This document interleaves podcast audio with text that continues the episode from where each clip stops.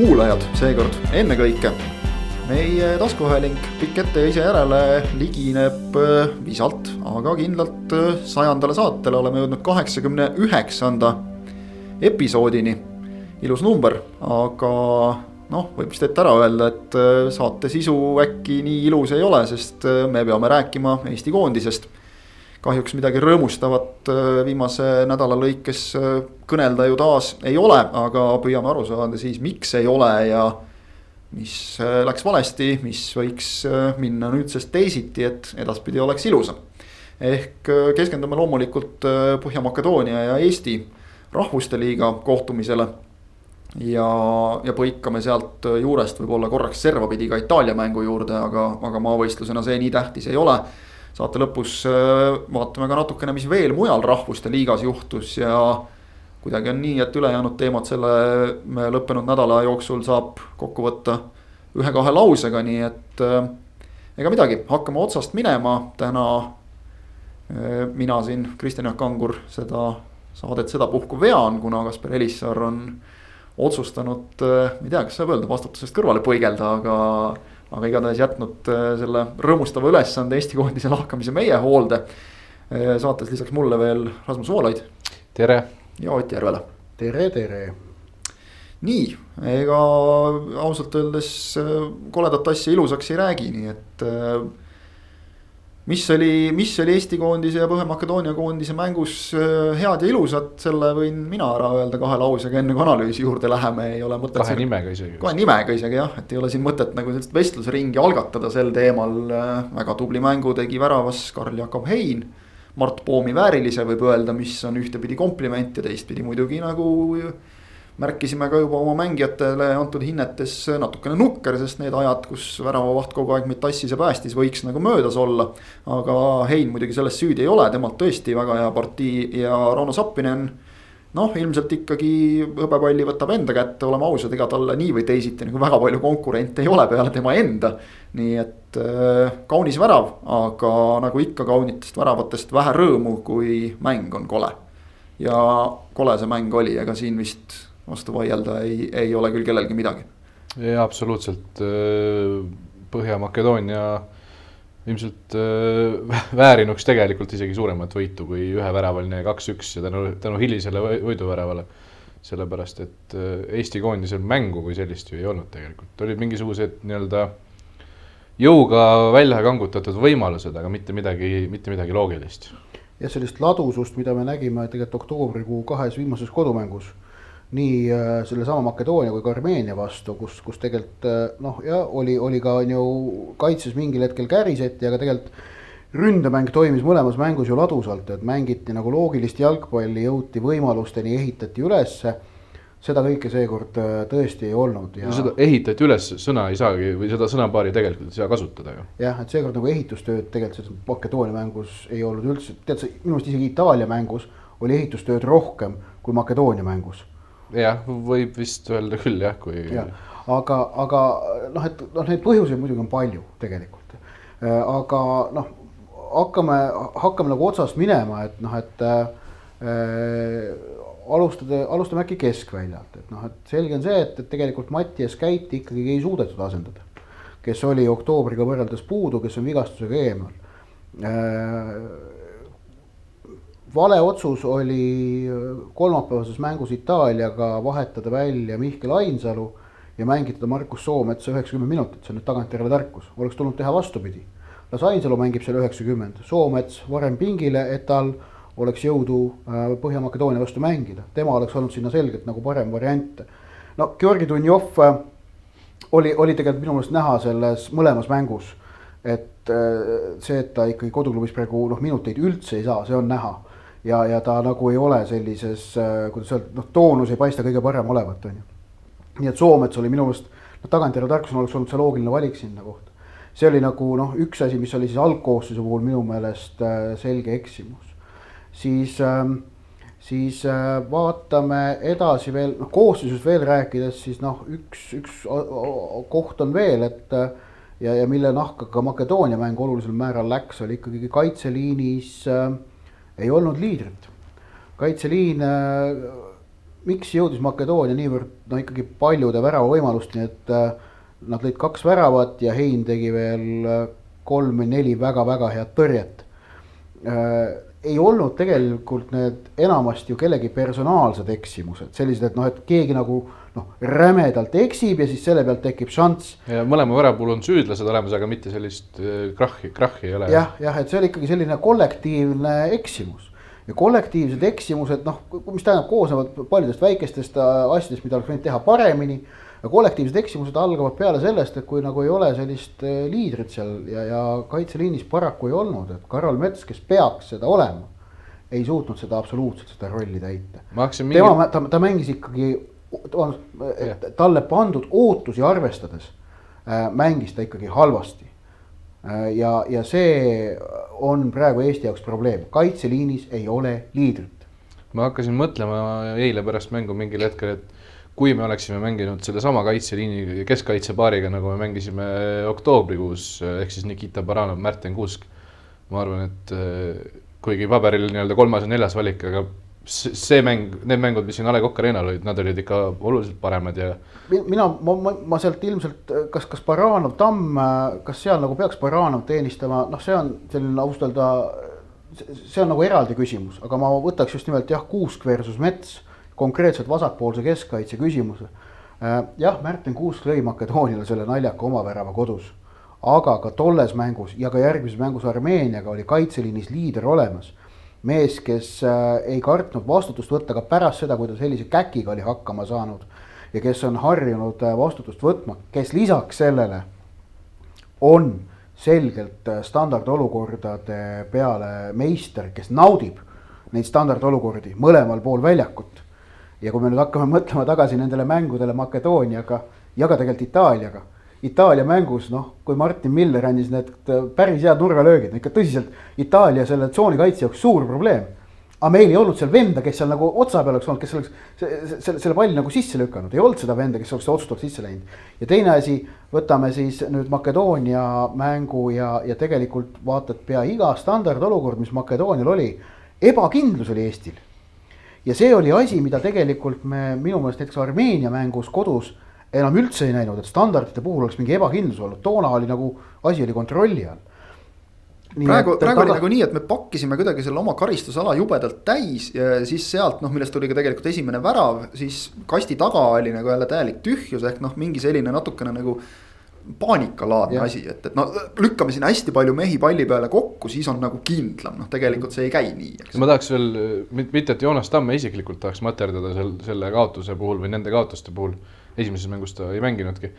siis lihtsalt Nikita Baranjevi esitused koondises on no, pakatavad sellisest tahtejõust ja kirest ja, ja selline, selline asi võib ju raskel hetkel teisi ka sütitada, et kui üks mees seal taga niimoodi põleb ja, ja ja vot siin on nagu see, et. ja ta ei ole ju olnud halb enda mängudes. ja, ja see tema see põlemine, see tuleb nagu kuidagi loomulikult. just sama asja tegelikult ka siin enne nagu saate teemasid arutasime, siis Ott mainis ka, et, et nagu Märten Kuusk ka, et, et kui ta noh, nagu innustab ja teeb, siis ta teeb seda loomulikult, see ei ole kuidagi mingisugune, et, et ma nüüd pean selle rolli võtma. ja treener ütles, et sa, sina karju, siis sa karjud. jah, et see, see tuleb nagu läbi mingi iseenda mängitunnetuse või oma rollitunnetuse, et, et see ja noh, kes on Märten Kuuske näiteks näinud nagu väljaku kõrval, teavad, et ta on pigem selline tagasihoidlik, et. et kui see sul nagu mängus välja lööb, siis noh, see ei ole võlts ja, ja seda on selles mõttes. omakorda väga... jõuab ka kaaslastele. just, et see, see tegelikult töötab. et noh, ei, ei saa nagu vägisi ka, ka sundida kedagi, et, et noh, ütleme.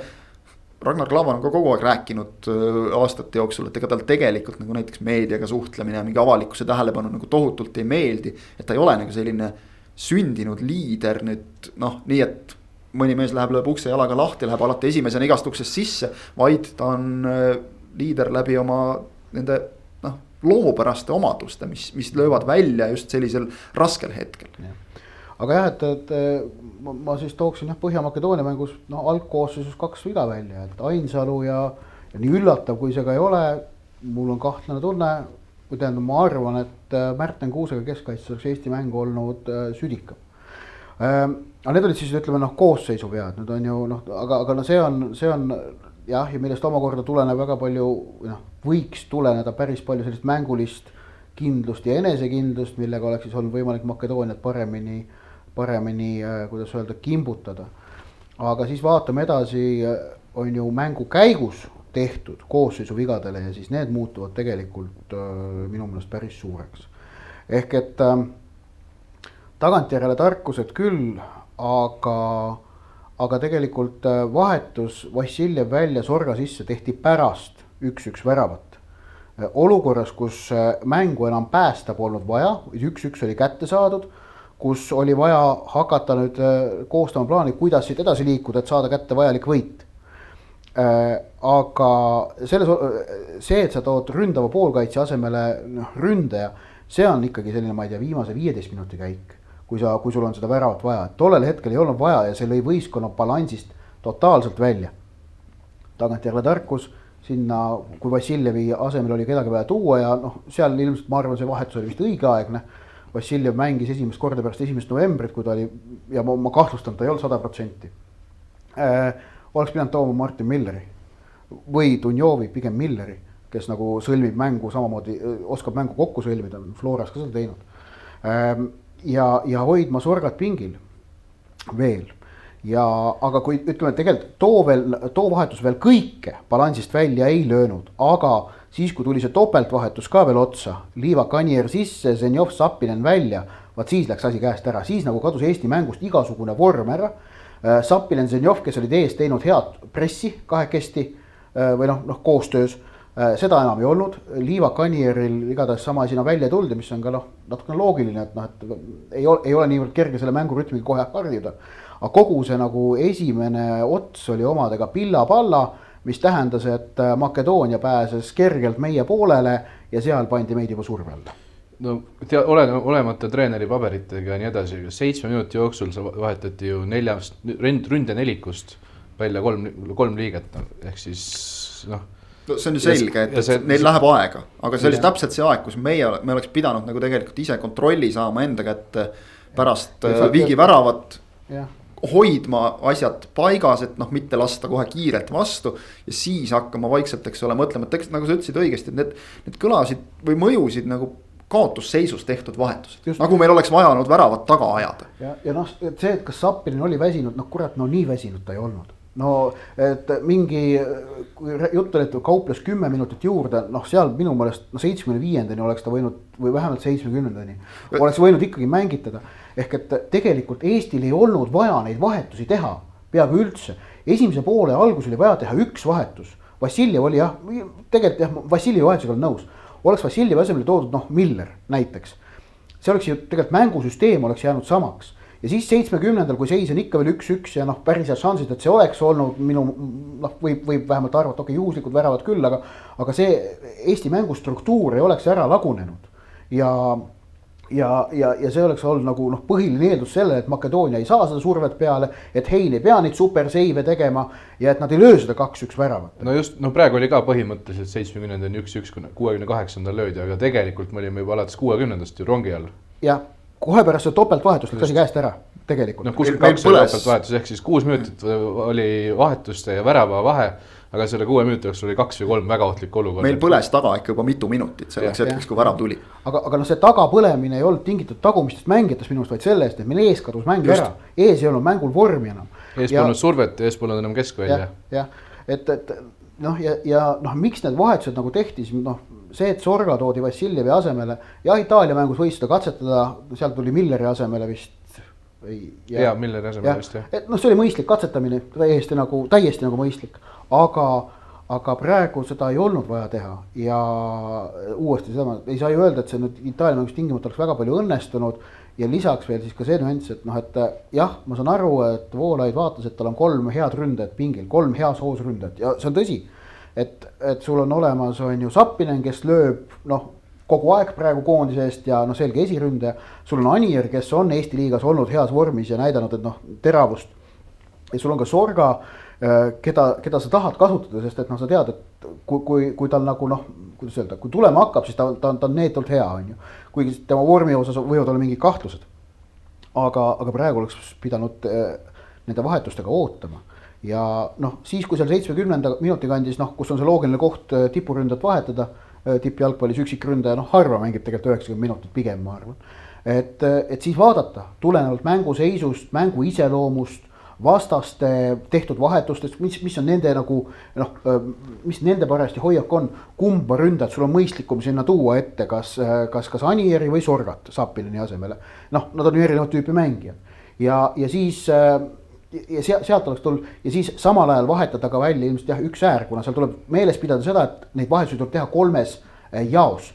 et sa ei saa ühekaupa neid teha, et sellepärast noh, topeltvahetuse põhjus oli ka üks see, et noh, sa tahtsid kaks tükki korraga teha. aga see vahetus oli noh teha kuskil seitsmekümnenda kandis niimoodi, et vahetad ründaja ja siis vaatad, kas Sinjavski või Zenjov, sõltuvalt sellest, kumb nagu noh, vähem jaksab. Ja, ja, ja siis, seda asja nagu hakata proovima, sama selleks hetkeks oleks Miller juba ennast kenasti seal keskel nagu olnud sisse mängitanud ja, ja see keskväli oleks endiselt vast toiminud, kuigi noh noh, tõsi on see, et jah, et äkki Ainsalu asemel oleks keegi teine olnud, oleks kõik palju paremini toiminud.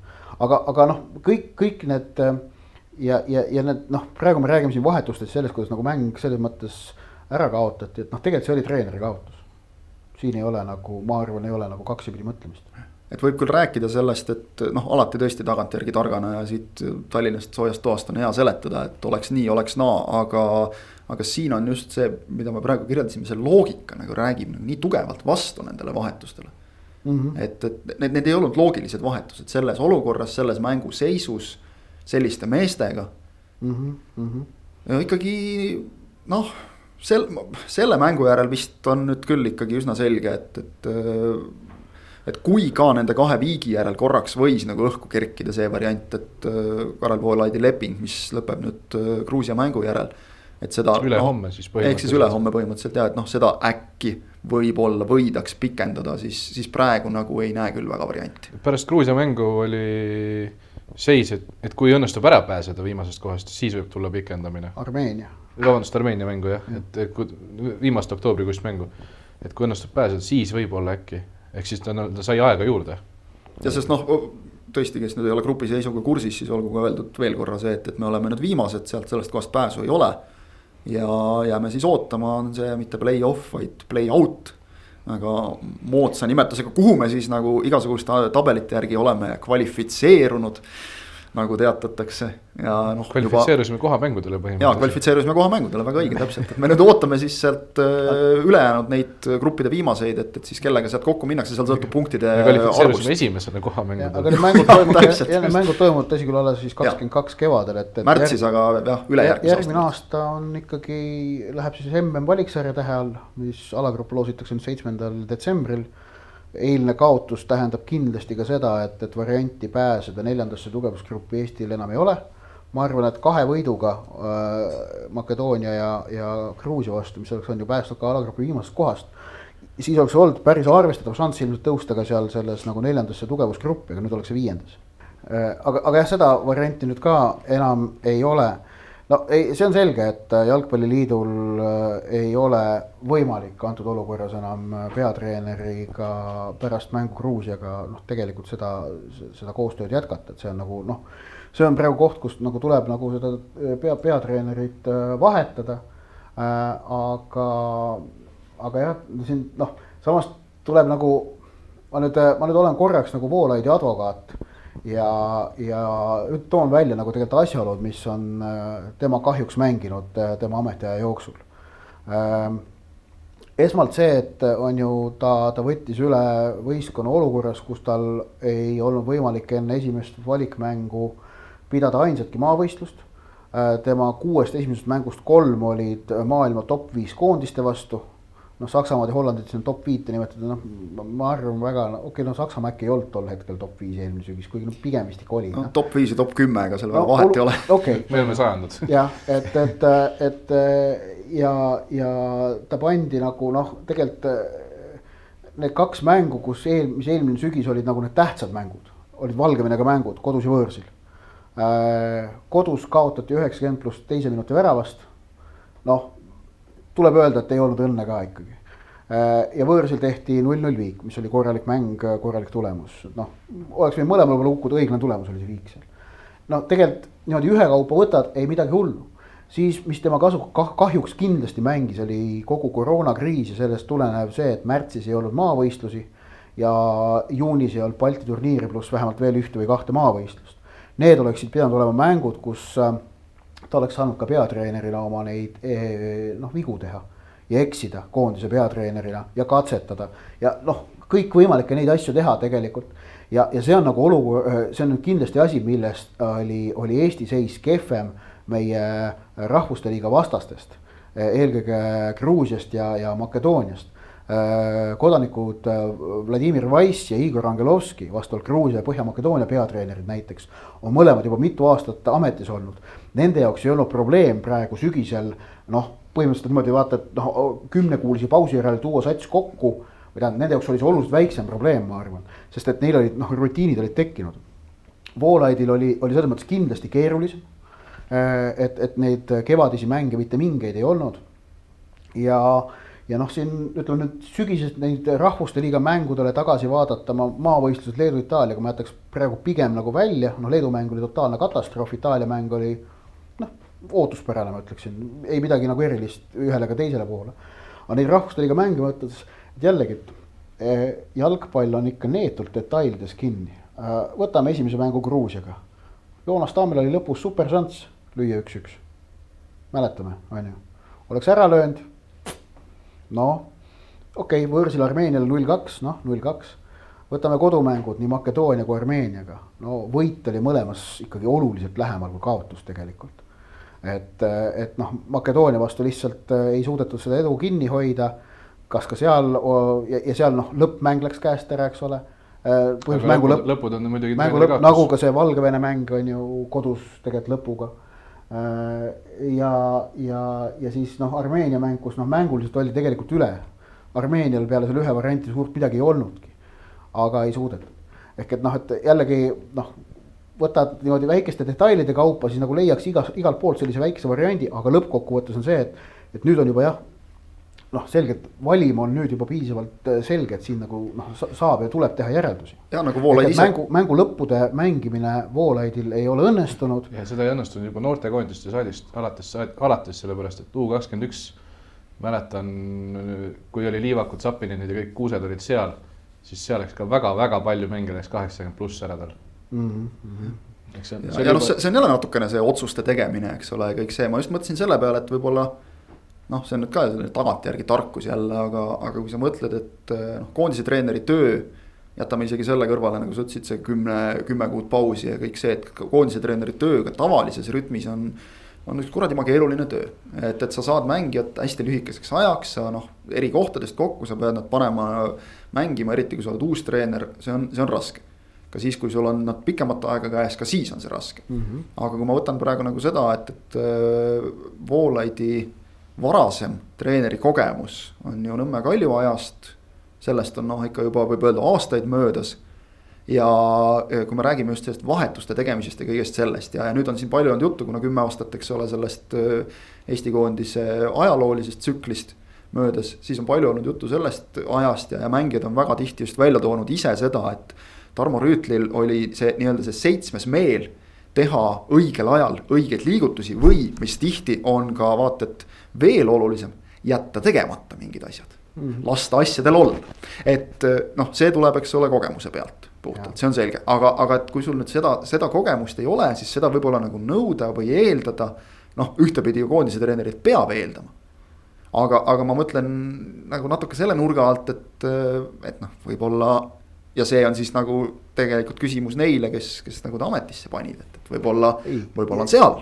Ja ei, ja nüüd hakkame noh, et liigume edasi. sinna ka jõudma, eks. selge on see, et, et pea, peatreener on, on ju noh, ei, ei ole seni töös õnnestunud, et, et ma, aga, aga ma ei noh, kuidas öelda, ma ei ole üldse nagu nõus sellega, kes nagu nüüd Voolaidi kuidas öelda, materdavad või, või, või teda niimoodi kuskile naelutavad, et no,. see ei ole kunagi ülemäära mõistlik. jah, et, et et äh, siin on nagu teatud objektiivsed asjaolud, miks tal on olnud tööd teha keeruline ja noh, siis on teatud subjektiivsed, et subjektiivsete osas on nagu võimalik midagi ette võtta, objektiivsete osas tegelikult väga ei ole äh,. aga, aga, aga, aga minnes siis jah, ikkagi nüüd jalgpalliliidu juhatuse ja siis noh, eelkõige president Aivar Pohlaku tehtud vigade juurde, siis võtame selle Voolaidi ametiaega üldse, et mina arvan, esimene viga.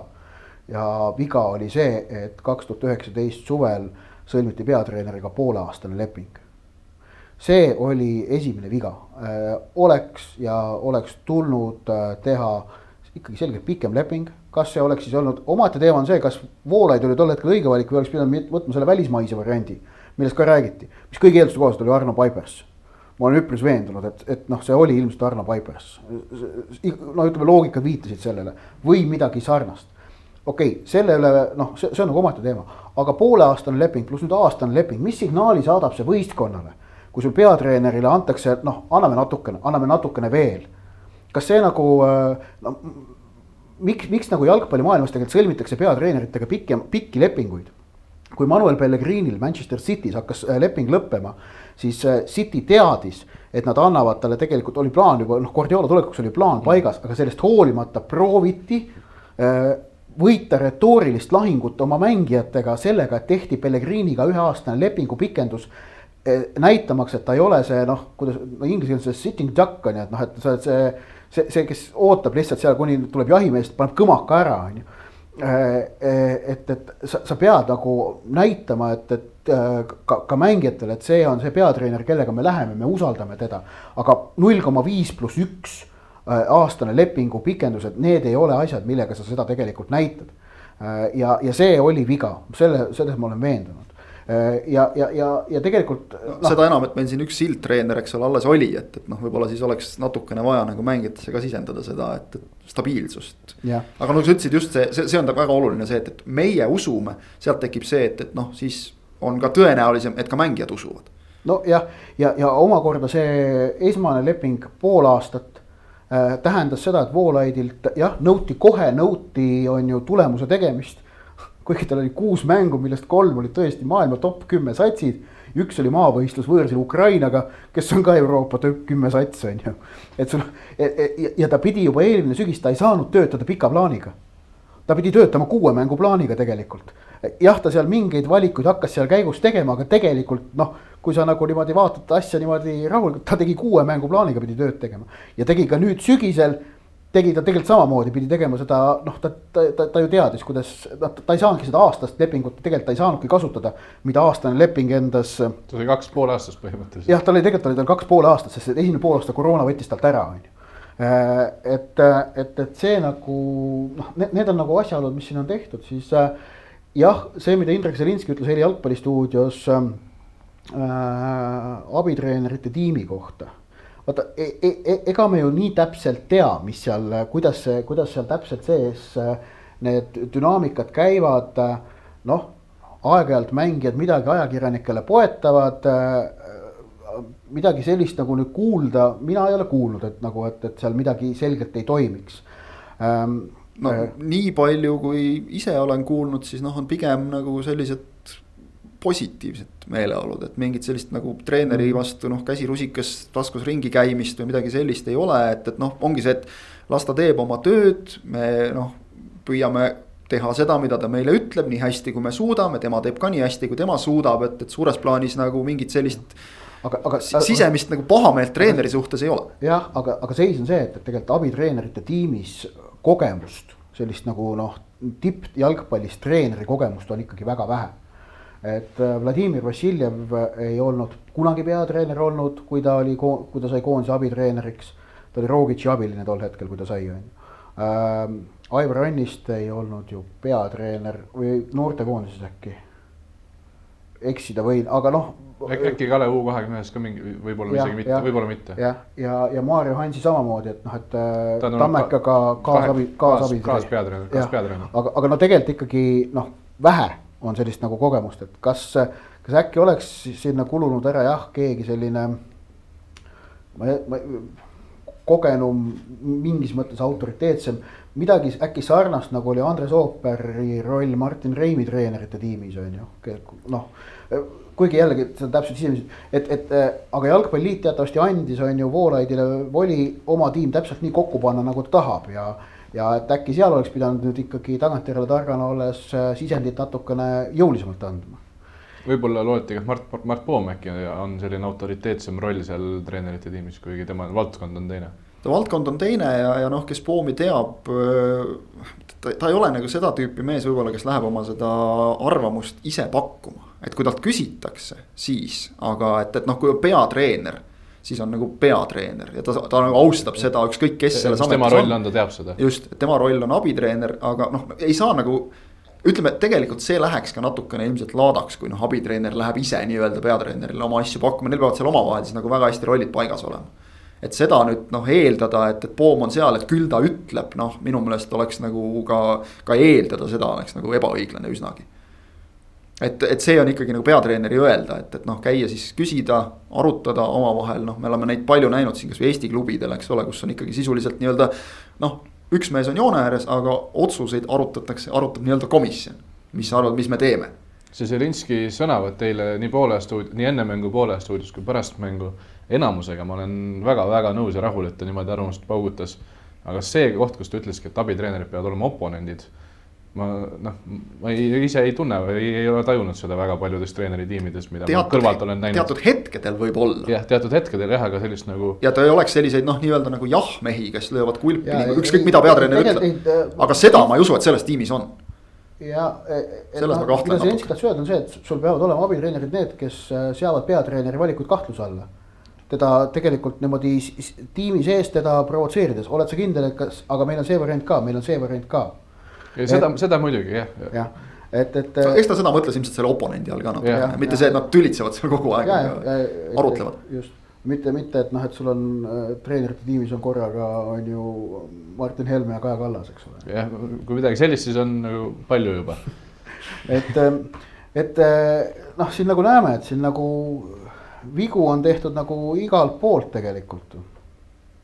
on, on sama, mis me rääkisime tegelikult ju äh, koondise kohta, et, et ei ole nii, et, et üks mees oli süüdi, teine mees oli süüdi, vaid üleüldine asi mm. -hmm. ja asja seis on see, et me oleme Euroopas nüüd kohtadel nelikümmend viis kuni nelikümmend kaheksa.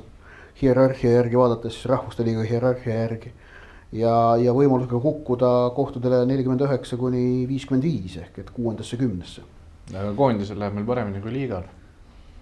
jah palju õnne, palju õnne meile kõigile. ei, ma räägin Rahvuste Liigast praegu. ei mõtle, ei, ma räägin koduliigal. koduliiga on viiekümne kolmas. palju, palju õnne meile kõigile, meil kõik on hästi. ei, aga jäin mõtlema siin nagu selle üle, et, et noh, on juba, eks nad on alati sellised natuke nagu ketserlikud arvamused, et noh, et kogumegi siis sinna D-divisjoni, et, et siis saame seal mängida Läti ja muude selliste Euroopa väikeriikidega ja siis saame võita ka, siis tuleb nagu emotsioon, aga ma, ma just nagu vaatasin mm. neid viimased kahte mängu. noh, mingil määral ka Itaalia mängu võib selle alla panna, sest sealt saab ka mingeid järeldusi lugeda ikkagi natukene välja. ja, ja, ja kui mõelda, kui vaatasin neid mänge ja mõtlesin, et, et kui ütleme emmast-kummast, kas Armeenia või Põhja-Makedoonia vastu kodust me oleksime saanud ühe võidu kätte. sest noh, okei okay,, saime punkti, tore, aga võidurõõm on ikkagi mingi hoopis muu emotsioon pluss veel see, et Põhja-Makedoonia vastu me ka andsime ära, eks ole, ikkagi kolm-ühe ja noh, kõik see oli nagu pool, pool kaotuse tunne ilmselt lõpus. et kui oleks emb-kumb neist mängudest võidetud, siis see emotsioon minu meelest on see, mida ka praegune koondis tohutult vajab, see väljendub selles, et kõige lihtsam asi, et äh, põhjamakedoonlased noh, hästi lihtsustatult öeldes, palliga olles mängisid ettepoole. aga meil oli kogu aeg see, et noh, igaks juhuks kuskilt tagant läbi jälle korduvalt näiteks Põhja-Makedoonia vastu me saime näha seda, kuidas me paneme oma küljeaudi kuskilt vastase poole pealt mängu. kaks-kolm söötu hiljem, pall on järsku heina käes. oli küll, Itaalia vastu oli sama. et, et see, kas see julgus. survet, aga. just ja kindlasti tuleb, see, see on, mängid nii nagu vastane laseb mängida, eks ole. aga, aga ma nägin nagu seda, et ka ilma surveta on väga palju seda ka Itaalia vastu, kes tegelikult ju nagu tihtipeale vajub kaitsesse, eriti eduseisus laseb nagu iseenesest tõusta küll aga me nagu ei üritanudki eriti tõusta. et proovime siis, sõprusmäng, maavõistlus, mida meil seal kaotada nii väga tulevad vastu, löövad ära, no mis siis, aga üritame. aga vot seda julgust ja, ja ei saa nagu eraldi võttes neid mängumehi kedagi nagu süüdistada selles, et neil oleks jänes püksis, et tegelikult hea näide võib-olla ongi just seesama Sappinen, kellel praegu enesekindlus on loes, eile ajakirjanikega rääkides küsimusele. mille hea kolleeg äh, Delfist küsis, et kas sa mängid praegu elu kõige paremat jalgpalli, Sappinen mõtles sekundi, ütles jah, ma arvan küll no,. ja see oli nii öeldud, et siin ei olegi nagu rohkem midagi arutada, enesekindla mängija tunnus, sealt tulevad ka sellised väravad ebakindel Zappinen ju- mängija ei lähe lööma sellist Zap-, üritama sellist väravat lüüa nagu Zappinen lõi Põhja-Makedoonial. ta küll lõi selle värava, ta, ta, tema ise ju tekitas ka selle olukorra, tema Jah. võitis kakskümmend viis meetrit vastase väravast palli tagasi üksinda, üksinda survet tehes Jah, palliga mängijale jah.. ja selliseid asju täitsa uskumatu, kui palju ta jaksab ja suudab ja, ja võidab ka neid duelle seal. aga see tuleb enesekindlusest, Just. aga, aga nüüd ongi see, et, et seda Mujal seda võistkondlikku seda ei ole mitte kuskil, kaitseliinis, poolkaitses puudub. tegelikult, see suudeti tekitada mõnevõrra ootamatult Makedoonia mängus pärast seda, koduses Makedoonia mängus. pärast seda, kui oli, on ju saadud Leedu käest noh, eriti rõve kolakas, kui Kuusk oli löönud selle aasta või noh, vabandust kümnendi oma värava. pärast seda suudeti see enesekindlus tegelikult tekitada. siis järelikult oli, käisime põhjas ära ilmselt jah, kolksuga. siis, no igatahes siis suudeti see leida selle toel, esmalt viigistati, mindi juhtima, saadi penalti, löödi kolm-üks, noh. no tegelikult mängiti nagu väga, väga okeid jalgpalli selles kodus Põhja-Makedoonia mängus, jah, lõpp läks käest ära. Ja aga samas, samas suudeti sealt see emotsioon kaasa võtta, et ka Armeenia vastu kodus mängiti tegelikult ju head jalgpalli. no Eesti mängis tegelikult head jalgpalli Armeenia vastu tulemus oli, oli, oli kehv või noh, mitte ootuspärane, noh kehv, ma ei ütle, et ta oli tingimata, aga noh. noh, ei vastanud mängule, ütleme siis just. jah, et ei suudetud, aga ei suudetud mängu, mängu, mängu selleks tulemuseks vormistada ja nüüd siis jah, mõlemal, aga vot sealt enam seda, kuna kaks korda ei õnnestunud seda head mängu tulemuseks vormida, mis oli võit siis, siis ilmselt nüüd seda enam kaasas ei olnud ja nüüd oli juba ebakindlus ikkagi sees ma arvan, et kodus tagantjärele tarkusena võib öelda, et kodustes mängudes ja miks pärast seda kuus omaväravat tulema hakkas korraks, oli ka see, et esiteks olime kodus ja teiseks oli staadionil rahvas. sest vaadake, kuidas siis me tähistasime neid väravaid ja kuidas me nüüd Zappinin lõi aasta kõige ilusama värava ja milline meie tähistus oli. mehed lonkisid kuskil. Zappinin ise sörkis ja lähimad mehed seal Ainsalu ja Sinjavski nüüd kõndisid isegi Zappinini suunas. mingisugune, mitte keegi ei visanud rusikat taeva poole, mitte midagi sellist ei olnud. sa mõtled seda noh, sisemist energiat. Just, just. Karol Mets oli vist enam-vähem esimese mehena Zappinini juures, kes tuli siis kuskilt kaitsest, et noh, see nagu näitab ka üht-teist, et. aga, aga see, mis sa ennem ütlesid veel jah, nende söödumängu kohta tead, siis ma tahaks teada, mitu söötu kahe mängu peale kokku Mets tagasi Heinale andis, ma kahtlustan, et see number võib päris kõrge olla. seda selleks äh,. aga nüüd, nüüd on ta häda on selles, et see võiduemotsiooni äh, põud on ju endiselt olemas. Ja me läheme selle pealt vastu ka mm valiksarjale, see on juba praegu kindel sellepärast, et äh, kui nüüd isegi õnnestuks kolmapäeval Gruusiat võita, siis see oleks täpselt samasugune tähtsusetu võit, nagu oli ka eelmise Rahvuste Liiga viimases mängus võõrsil Kreeka vastu saadud võit. mängus, mis enam mitte midagi ei otsustata, oli teada, Eesti on viimane ja noh, see ei ole nagu, see ei ole, seal saadud võit ei ole see, ta ei ole see lihtsalt. seal oli juures ka veel see, et, et ega me seda võitu sealt Kreekast minu mälu järgi nüüd mingi üleliia hea mänguga ei saanud. kannatati ära, aga see, see selleks, noh, see, see, see nagu mind ei häiri, kuidas, mis mänguga tuleb, aga, aga noh. Ei, mind ka mitte, aga ma lihtsalt mõtlen seda, et- võidad küll, aga oled ikka alagruppis viimane. ma ma mõtlen lihtsalt seda, et mis emotsioon jääb mängijatele sellest, kui sa mängid väga hästi ja võidad Kreekat võõrsil, siis noh, see on kindlasti suurem emotsioon kui see, et no okei okay,, saime kuidagi kätte. Aga see jah, selleks et jah, aga kui, see kui selleks. kodus Belgiat kaks tuhat üheksa võideti, et Jah, see andis emotsiooni just, ikkagi, kuigi see mäng oli vastase jaoks tähtsusetu. jah, sest me mängisime Belgia üle selles mängus, eks ju. et äh, aga, aga nüüd on seis see, et juhtugu mis Gruusias mis tahes, et, et äh, seitsmes detsember vist oli see kuupäev, kui tulevad valikgrupid äh,, loositakse Nyonis ja siis on äh, märtsis on vaja nende mm valikmängudega alustada ja alustame seisult, kus nagu seda võiduemotsiooni pole neetult kaua olnud. viimane võit, vaatasin meelega üle, kui eelvaadet kirjutasin, viimane võit punkti mängus oli meil siis see kohtumine, kui Joonas Tamm lõi kübaratrüki.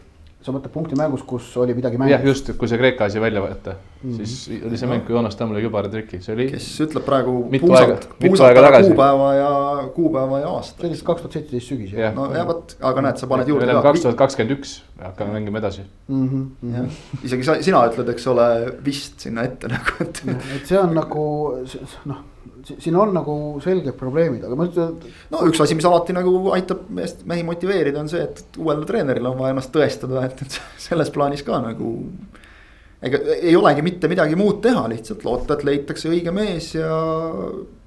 et, et ta saab võistkonna kohe algusest peale nagu mingite ideedega enda taha või millega iganes, isiksusega, karismaga, ma ei tea millega.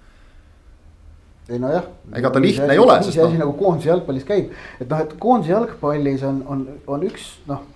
peatreeneri üks, üks tegelikult peamisi relvi on ju see, kuna tal kontakttunde võistkonnaga on väga vähe ja mängijatega.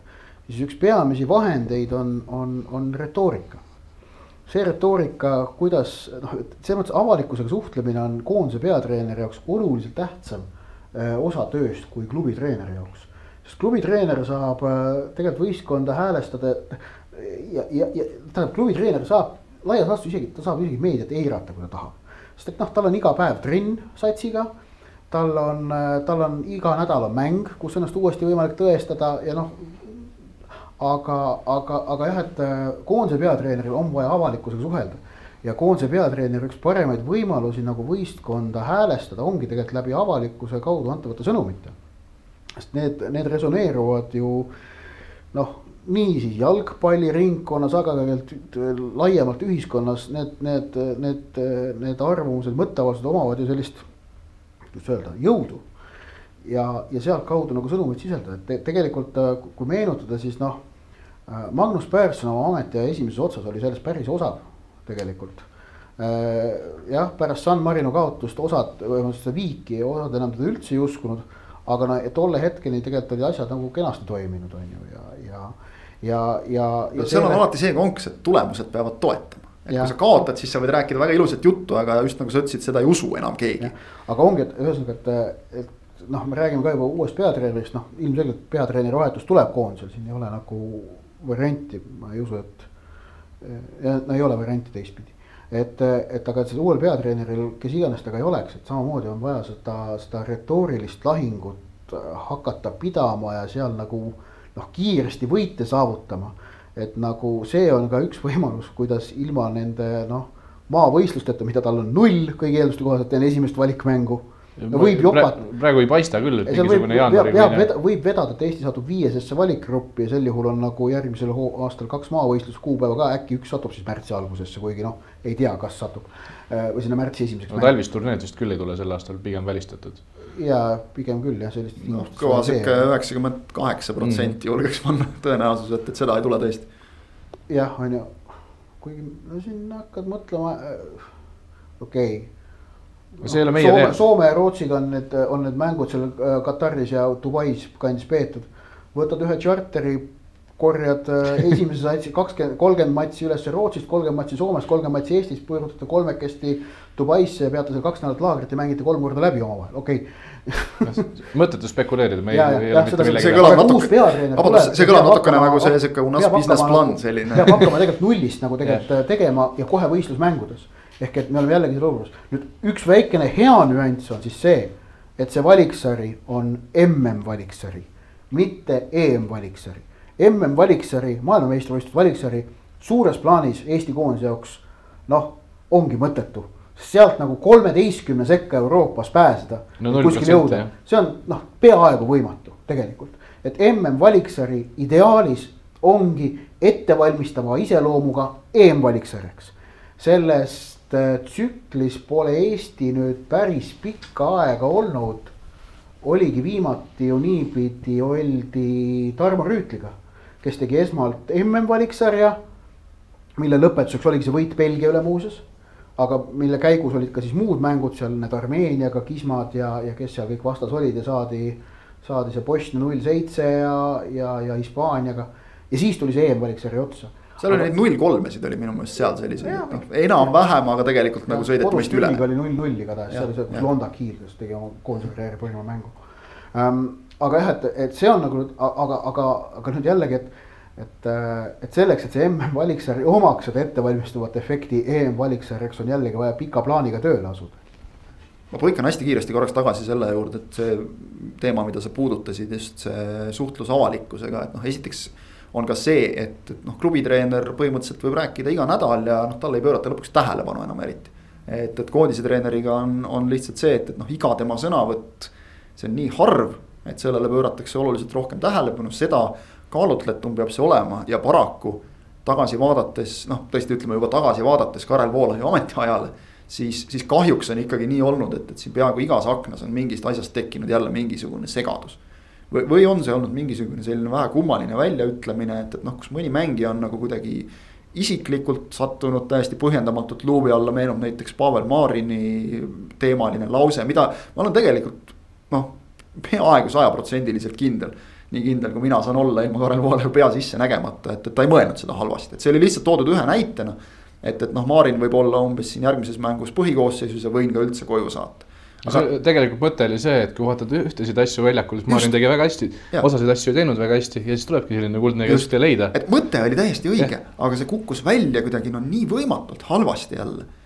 et äh, noh, mängijana, kui sa seda kuskilt loed, siis ilmselt tekib esimene emotsioon, et, et ma kõnniks minema, et, et noh, see okei okay,, jah, mängija peab nagu ka sellest, sellistest asjadest üle olema, aga, aga kuidagi need, need signaalid, mis tulid nad ei olnud üldse head ja, ja noh, jätame kõrvale selle viimase, kus ilmselt on natukene paja ja katla asi, et, et omavaheline kommunikatsioon Paidega lonkas nagu mõlemat jalga nii ühelt poolt kui teiselt poolt. aga, aga mingid varasemad asjad on ka olnud sellised, et noh, kuidas ma viisakalt ütlen, et alati nagu nii nagu vahetusi ei pea tegema vahetuse tegemise pärast, nii ei pea ka mingeid asju ütlema nagu ütlemise pärast, et see on veidikene kummaline ajakirjanikuna seda juttu rääkida, et me tahame siukseid värvikaid väljaütlemisi, et ei tuleks sellist ümmargust, et, et homme tuleb tähtis mäng ja valmistume ja lähme võitlema, aga, aga mingitel hetkedel on nagu olnud see, et võib-olla selle asja oleks võinud nagu lihtsalt ütlemata jätta, et ei olekski vaja olnud midagi öelda. Ja me ilmselt noh, me oleme ju ka samal ajal, kui me oleme ajakirjanikud, me oleme koondise fännid ka ja me nagu tänu sellele me ka ju oleme, ise, ise hoiame ka peast kinni kohati, et miks nüüd nii. võtame ka emotsionaalsemalt, mitte just, nii ratsionaalselt. just, klubitreenerite väljaütlemisi, seal me tahame eriti palju neid värvikaid asju. aga, aga viimane, viimane aken näiteks. enne viimast mängu küsiti talt, kes mängib keskväljal ja siis ta hakkas rääkima, kuidas Mattias Käidi saapad ei ole nii suured no,. ja see ju torkas selga talle järgmine päev, et olid ja, küll liiga suured järelikult. kohe on asi, millest kinni võtta, et see on nagu mitte ainult see, et, et mängijatele tehti liiga. juba, juba vaid... poole stuudios Rimo Hunt kuulutas välja, et ongi liiga suured. just, et, et ka, ka, ka treener paneb iseennast nagu sellega surve alla, et, et see on, see ei ole, ma ei räägi seda nagu selleks, et õudselt kritiseerida Voolaida, vaid lihtsalt see on nagu üks. veel üks selline väike nüanss, mis noh, millega on tegelikult hästi lihtne avalikkus häälestada enda vastu, sest jumal paraku, kui koondisel ei lähe hästi, siis on ka päris palju neid, kes otsivad ka tõesti võimalust peatreeneri igast sõnast kinni hakata, et tema kallal norida. et loomulikult ei pea nüüd peatreener olema, ta peab ennekõike olema ikkagi tegude mees, mitte jutumees, aga, aga nagu Ott väga õigesti ütles, et ega see jutu osatähtsus tegelikult on, on päris oluline. olulisem võib olla, kui võib nagu asjas sees olles tunduda samamoodi nagu ta andis Maarinile täiesti ebavajalikul hetkel hakkas hinnangut tegema, samamoodi ta ju mees, kes ei olnud koondises kohalgi, kes ei mängi järgmises mängus mängueelses pressikonverentsis andis hinnangu, et Mattias Käidi saapad ei ole nii suured, täiesti ebavajalik lause. ja noh, tõesti, nagu sa ütlesid, et nagu mäng näitas, siis on ikka päris suured, et ei, ei leidunud nagu ülevõtjat. mis võib-olla võiks ju tunda oma meeskonda, peatreener. jah, ja, ja noh, ma ütlen, et siin ei ole nagu isegi meeskonna tundmises asi ega milleski muus, vaid noh, selliseid asju lihtsalt ei ole vaja öelda aga jällegi võib-olla natukene selline kogemuste teema, et äh, igatahes saab tulema, saab olema huvitav aeg see nüüd äh, mõelda ja nuputada meil kõigil, et, et kes ja kust siis võiks võiks see uus peatreener olla, sest noh, oleme ausad, Eestist nagu praegu tervise Argo Arbeiterile muidugi suurepärase saavutuse puhul, aga, aga noh, tema nimi on siin läbi käinud, me ka Floras nagu natukene nägime, et, et mis on tema, nägime, mis on tema plussid, mis on tema miinused, et ei hakka siin ka hinnanguid andma, aga ütleme nii, et, et see oleks nagu tohutu suur üllatus Ma.... Arbeiter pooldab väga sellist ründavat mängu ja see nagu ei, Eesti koondisele praegu ei ole see, mida vaja oleks. üheksakümmend viis protsenti, et järgmine Eesti koondise peatreener on välismaalane. jah, tundub täiesti mulle ka selline adekvaatne protsent. mõni ütleb võib-olla üheksakümmend neli, mõni ütleb üheksakümmend kuus, aga sinna ta jääb. sinnakanti. sinnakanti. ma isegi üheksakümmend seitse võib-olla. ohoh, julgelt, julgelt. vot julge jah. vaat kus läks nüüd. ma olen kõige noorem ka teist. no jaa, muidugi ma hakkan paugutama. uljem, uljem mees, paugutad rohkem, täpselt aga ega me rahvuste liigaga, liigale nüüd liiga juttudele joont alla ei, ei maksa meil veel tõmmata, sest et seesama Põhja-Makedoonia, kes meile ikkagi kaks tükki ära lõi ja, ja kui ikkagi vaja oli, siis võttis jalad kõhvalt välja ja mängis, see Põhja-Makedoonia mängib nüüd EM-il. ja, ja noh, okei okay,, süsteem oli ka natukene teistsugune kui muidu, aga ega siis nemad selles süüdi ei ole, et nemad said oma võimaluse, kasutasid selle ära ja Ott, sa arvutasid, EM-i osalejad on kõik selged, palju see, palju see erinevus oli võrreldes äh, eelmise EM-iga? et siis neljapäeva õhtul on ju äh, lisaks Põhja-Makedooniale pääsesid edasi meil EM-ile Šotimaa, Slovakkia ja. Ungari. Ungari, kes oma play-off'e võitsid igaüks erineval moel. kolm mängu, tegelikult kõik mängud dramaatilised. üks penaltitega, üks lisaajaga, üks äh, kaheksakümmend kaheksa, üheksakümmend kaks minuti väravatega null, üks, kaks, üheks pööratud. ja siis see Põhja-Makedoonia võit Gruusiale oli kõige lakoonilisem, et üks-null on ju. jah, aga see oli ka üks-null, nii et. ja see oli Joran Pandev jällegi, kes nuttis pärast lõpuület on ju, mis oli ka äge. aga ühesõnaga, et võrreldes kahe tuhande kuueteistkümnenda aastaga on EM-finaalturniiril üheksateist osalejat samad, kahekümne neljast ja viis tükki muutunud. ehk et kaks tuhat kuusteist mängisid ja seekord ei mängi Island, Põhja-Iirimaa, Rumeenia, Albaania, Iirimaa. ja nende asemel on siis Taani, Soome, Holland, Šotimaa ja Põhja-Makedoonia. ehk et kui nüüd hakata kirjeldama, siis noh, Skandinaavia on, on äh, kenasti sees. Äh, noh, oleks võinud olla veel vägevamalt, kui Island oleks Ungarist jagu saanud. siis oleks olnud Skandinaaviat äh, tegelikult on ju viiest neli, Norra oli juba poolfinaalis kaotanud. põhimõtteliselt tegelikult Island on praegu Skandinaavia üks nõrgemaid jalgpalliriike see Island, kes äh, kõiki südameid võitis. Norra on kõige nõrgem see on Island on ju, kõige nõrgem on Fääri saared. Okay,, temad lähevad, nendel, neil on ka ristilipp, nad lähevad ka sinna alla. tahaks huvi pärast lihtsalt näha teid nagu, mitte et ma vastu vaidleks teile, aga mõne islandlasega arendamas vestlust teemal Soome jalgpall on kõvem kui teie jalgpall see saab olema huvitav, huvitav jutuajamine kahtlemata aga jah, Hollandi naasmine, see oli nagu loogiline. Äh, noh, mul endal on muidugi väga halb tuju, et Šotimaa seda suutis teha, aga sellest ma olen siin saates varem rääkinud. ja me teame, me teame hästi, kuivõrd sa neid armastad. jah, otsib, otsib, otsib sobiva üle, osa ülesse, aga kokkuvõttes äh, noh, äh, see Põhja-Makedoonia võit, nemad tulid siis sellest kõige nõrgemast kuueteistkümnesest alumisest otsast, mida siis selles esimeses rahvuste liigas kasutati. et äh,, et noh, need emotsioonid, mida me seal nägime tegelikult ja, ja see huvi ka, mida isegi, isegi kõik see tekitas. Äh, ja resonants, mis ta tekkis ka ütleme just nimelt laiemas maailmas, mitte ainult see Põhja-Makedoonias ja Gruusias, see oli tegelikult ikkagi üle-euroopaline sündmus, et see Põhja-Makedoonia EM-ile jõudis. Need emotsioonid, mida nemad, mis see neis tekitas, see, see mõju, see läks korda üle Euroopa, me nägime, kuidas BBC sellest kirjutas, kuidas Marca sellest kirjutas ja kuidas La Gazzetta dello Sport sellest kirjutas. et see on hea mõte, need play-off'id nüüd äh, ja kogu see rahvuste liiga süsteem on ka tegelikult ennast ikkagi noh, tuleb kiita, on õigustanud, on, on huvitavad mängud, on tasavägised mängud. Tony Kroosile jah, ma saan aru, ei meeldi, aga, aga on väga palju neid, kellele see asi ikkagi, palju rohkem neid, kellele see meeldib. no Tony Kroosile äh, ei meeldi paljud asjad, talle ei meeldi Aubameyangi maskid. kuigi Tony Kroos on väga äge jalgpallur. jah, aga, aga okei okay.. seni, kuniks ta nagu väga palju ei hakanud arvama asjadest, oli ta ägedam okay., aga hea küll. aga, aga siis me kuhu ma jäin, et, et süsteem on ennast õigustanud ah,. ja, ja näide veel ka see, et, et noh, kuidas see tegelikult annab, kohati tekitab isegi sellist noh äh, huvi äh, väiksemate jalgpalliriikide vastu, et mingi päev oli ju see Gibraltar San Marino mäng oli Sky Sportsi featured match. mis on siis õhtuse põhisündmus, on ju. Ja, ja siis see oli see, kus San Marino vist seal null nulli tegi vist äkki või igatahes siis vaatasid Twitteris, mis toimus, inglased jumalast vaimustatud, oh kuule jumala äge vaadata sellist mängu ka on ju. ja mis on nagu noh, see ongi nagu tegelikult tore. nüüd etteruttavalt tuleb siis ära öelda, et järgmine rahvuste liiga, mis mängitakse kakskümmend kaks sügisel. Eh, et kui Eestil läheb kakskümmend kaks, ta ei mängita kakskümmend kaks sügisel, vabandust, mängitakse kakskümmend kaks juunis. mängitakse neli esimest vooru ja septembris mängitakse kaks viimast vooru sellepärast et sügisel hiljem on MM-finaalturniir aga et kui märtsis Eesti läheb halvasti ja kukutakse D-divisjoni, siis Eestil ei ole võimalik kõigi eelduste kohaselt play-off'i kaudu EM-ile jõuda. ehk et järgmises rahvuste liigas kõigi eelduste kohaselt noh, seda ei ole küll välja öeldud, aga igasugune loogika ütleb seda, et D-divisjonil ei ole play-off'i enam. vaid on üks, on kolm play-off'i A, B ja C ja D-l ei ole. Sellepärast, et Saksamaa on korraldaja, meil on kümme valikgruppi sealt tuleb üks, äh, Saksamaa on üks, igast valikgrupist tuleb kaks, see on siis kakskümmend üks ja kolm play-off'i. väga loogiliselt jookseb kokku, D-divisjonile pole seda play-off'i vaja anda ja pole ka põhjendatud, kui seal ainult seitse koondist seal mängivad.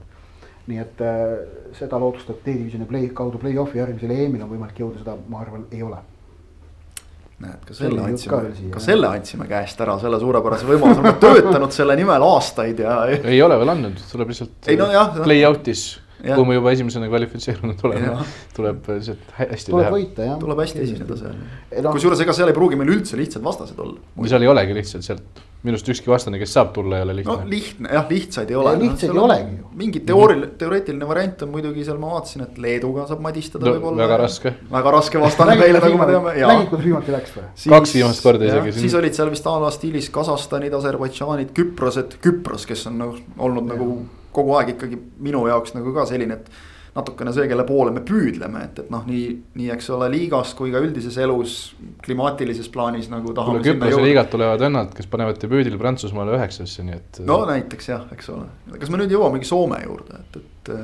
nojah, ja siis. kiidame ikka Soomet. Noh. kes, kes on, kes eelmine nädal alistas valitseva maailmameistri võõrsil kaks-null ilma Teemu Pukkita mängides. see on täiesti radari alt läinud, et kaks-null, mõlemad väravad olid mehed, kes olid, tegid oma koondise debüüdi selles samas mängus mm. -hmm. ebareaalne ju. veel tegi Markus Soomets samal ajal Itaalia vastu, kui me saime null-neli ja siin, seal tulevad kaks venda, kes löövad so,. Äh, Soome siis võitis sinna otsa, võitis eile Bulgaariat võõrsil kaks-üks ja kolmapäeva õhtul mängib võõrsil Walesiga selle nimel, et kui suudavad võõrsil Walesi võita, tõusevad, võidavad oma alagrupi ära ja tõusevad A-divisjoni rahvuste liigas järgmiseks korraks, noh see, et nad EM-il on nad juba ja noh, EM-i alagrupis äh, Venemaaga võib ikka madistada, äkki võtavad venelased ära, mõtle, kui magus see oleks, noh. saaks, äh, tuleb, tuleb panna see, see legendaarne jäähoki kuradi MM-i pool, ei selle. see ei olnud MM-i poolfinaal, vaid see oli kunagine ammune alagrupi mäng, kus seal äh, Jere Karalahti kaks sekundit enne lõppu viigivärava lõi ja kus siis Merder röökis, et punakone on löödud et see oli see originaalne, hiljem tuli see, kus tuli see ilmaveivi värk ja kõik muu, aga. ütleme, et on nagu, mille peale seda spordiajalugu ehitada. jah, et noh, aga, aga see nagu vaata, vaata see Soome edu tekitab rõõmu äh, väga mit-, ta tekitab mitmel erineval moel, noh, minul isiklikult sellepärast, et noh, et Soome on nagu alati mul selline noh, vennasrahvas, alati on nende sportlased alati sümpaatsed olnud. aga teiseks ka see, kuidas nad on suutnud ikkagi selle jalgpalliga äh, kuidas nad on suutnud, kuidas Soome jalgpall on suutnud ennast üles ehitada sellest, et noh, nad olid need äpud seal riigis ikkagi, et noh, jäähokiriik ja. ja siin vahepeal ju tegelikult ju oldi võrkpallis EM-il isegi neljandad vist on ju korra. korvpallis jõuti EM-ile, Susi Engi oli noh, kuradi kõva värk ikkagi ja, ja noh, korvpalli vaimustus. mingi kaheksa-üheksa tuhat soomlast läks Hispaaniasse ju Kossu EM-i vaatama. noh, kõik olid, kõik olid sillas aga et noh, et jalka oli noh, see, need äpud, kes ei ole, kes ei ole suutnud. jalka oli alati see riik, et isegi kui midagi positiivset on, siis kõik teadsid, et soomlased ikka lõpuks niikuinii ära käkivad. jah, munavad, noh nagu nad ise ütlevad. emme muna aus tuleb lõpus, aga et nüüd. üks ilusamaid soomekeelseid sõnu minu meelest. just, aga, aga nüüd on see noh, huuhkajate legend mis väga ilusasti sai alguse läbi selle öökulli, kes seal Belgia mängu ajal Helsingi olümpiastaadionil lendles, et, et see on nüüd lõpuks ära täidetud ka sellise väga vägeva sisuga ja seda on, seda on, seda on kaunis vaadata, just seda lugu, kuidas see kõik on kujunenud ja ehitatud. vaatasin just üks päev, äh, otsige, leiate Youtube'ist üles ka ilmselt just see soomlaste teekond, see on selline veerandtunnine lühike kokkuvõte, aga, aga nagu väga hästi, tõesti nagu väga hästi tipptasemel kokku pandud, see nende teekond läbi selle alagrupi lihtsalt. ja, ja mis sealt ka silma torkab, et okei okay,, neil on Teemu Pukki, noh väga hea mängija. aga kui sa tegelikult nende ülejäänud mängijaid vaatad, siis noh tublid mehed, aga ega neil mitte ühtegi teist sellist superstaari seal tegelikult ei ole. okei okay,, Hradetški on, sellega olen nõus. väravas tõesti Lukas Hradetški on ja ta tundub ka olevat selline meeskonna vaimne liider, kui pärast mängu fännidega suheldakse, tema käes on ruupor alati. nagu naudib seda, et, et see. ülikõva mees jah, et, et see, see, see on nagu ka asi, mida me tegelikult noh, ma ei tea, võib-olla võib ette heita natuke Eesti mängijatele, et ega me seda nagu liiga palju ei ole näinud. no kas meil oleks sihuke, meil ei ole sihukest meest minu arust. aga vaata isegi siis, kui meil olid sellised mehed, ega meil siis ka nagu seda meeletult palju ei olnud, et, et noh, fännidega nagu sealtpoolt seda suhtlust tuleks, et, et see. see on ka võib-olla asi, millest saab nagu juurde panna, et kui on soov kuidagi tuua nagu noh, küll meil mingil hetkel hakkab jälle paremini ka minema, ma olen, olen täitsa kindel selles, et tuua nagu rahvast noh, koondise juurde jälle tagasi, et, et see, see vahetu suhtlus ega siis soomlased ei ole nüüd nagu mingit väga palju tulisem rahvas võrreldes meiega, eks ole. et ma annaks isegi võib-olla jah, meile eelise või mingi, mingi no, alt. jah, aga, aga vot praktika nagu ei, ei toeta seda eriti, eks ole. aga soomlased muidugi on sellised vennad alati, et kui nad käima saavad, siis neid ei pidurda ka enam. ja seda ka muidugi see noh, seda me oleme, kes Tallinnas elab, on seda näinud aastakümneid. aga, aga just, et jällegi äh, karismaatiline peatreener kes nagu ei tee ka mitte midagi erilist, aga lihtsalt näed, et mängijad usuvad temasse ja siis meeskonna vaim ja täpselt see, et, et mingil hetkel hakkas neil minema. ja siis sisuliselt nagu meie see kümne aasta tagune tsükkel, et eks siis nagu naljalt, siis nagu naljalt ei peata, ongi täpselt see, et nad ei karda enam.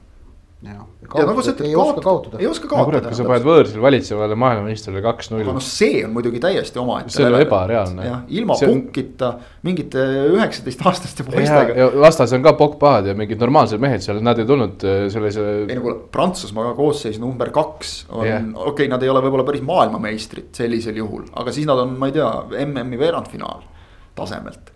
et see see on ikka päris kõva punt tegelikult. Ehk noh, see näitabki just seda, et, et, et Soome läks mängima nagu võrdne võrdsega ja tegelikult siis ongi nagu võrdne võrdsega. ehk et meil on ikka kuradi palju õppida ausalt öeldes soomlastelt, polegi midagi öelda selle kohta rohkem.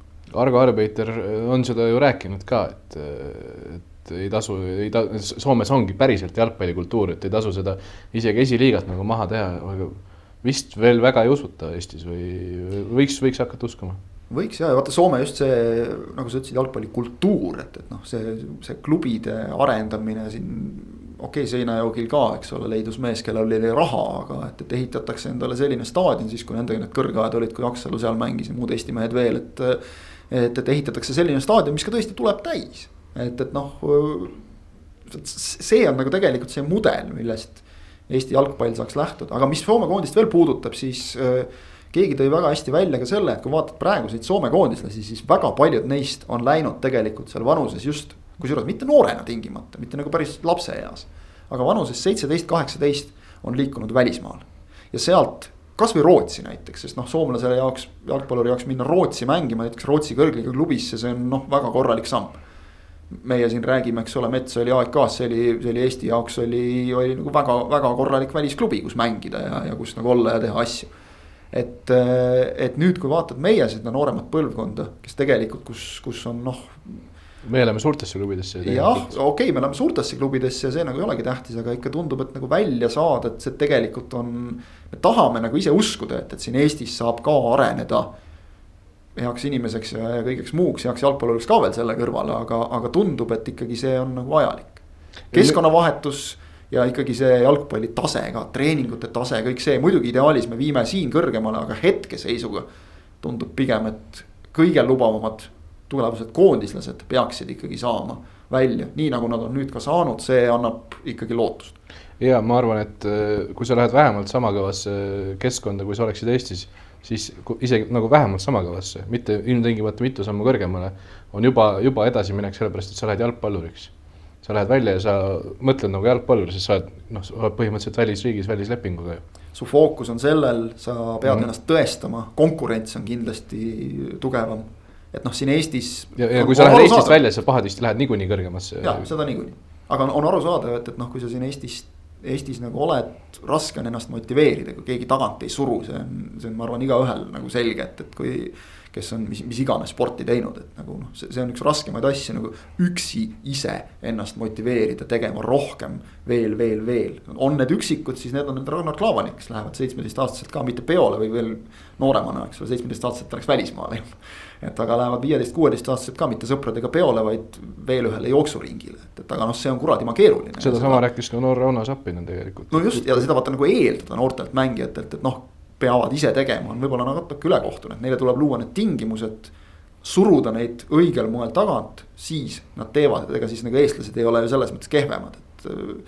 et kui, on soomlased, mille poolest me alla jääme nagu tahtejõu, jõulistes omadustes ja, kõige selle poolest, kindlasti mitte. Soome tee, ühesõnaga, peaks olema meie tee me oleme nüüd lahanud seda koondist nagu niipidi ja naapidi ja, ja võrrelnud ühtede ja teistega siin tund aega, et vast siis ongi paras teha täna selline koondise saade, et küll me siin premium-liigast jõuame rääkida, siin tõesti üks mäng oli, noh. midagi üllatavat seal Levadia Leegioni kohtumises ei juhtunud, Narva Trans ka ei üllatanud negatiivselt, vaid läks karikasarjas edasi, nii nagu. Raivo Saar ja Deniss Poljakov on tagasi, nii et see on tore. see oli positiivne kahtlemata neid kahte nime nimekirjas näha, et Poljakov tuli, tegi seal küll vist mingit üks-kaks minutit, aga. aga tegi. aga tegi, et, et mees on jälle terve ja, ja see on alati tore, kui head jalgpallurid terveks saavad raskete vigastuste järel aga premium-liigat, seda jõuame, sellest jõuame rääkida küll ja veel loomulikult ka sellest koondise viimasest mängust oma järgmises saates. Premium-liiga lõpplahendus ootab meid alles ees ja, ja loodetavasti tuleb see põnev nii tabeli ülemises kui ka alumises otsas, Rasmus tahtis küll kangesti rääkida siin veel pool tunnikest kolmanda liiga lõpplahendusest, aga. palju õnne, Markus Jõgi. jah, aga täna jääb vahele kahjuks. tänasele saatele tõmbame sellega joone alla. aitäh, Ott, aitäh, Rasmus. Ja aitäh ka minu poolt. tänan kuulamast ning ega muud kui järgmisel nädalal kuuleme jälle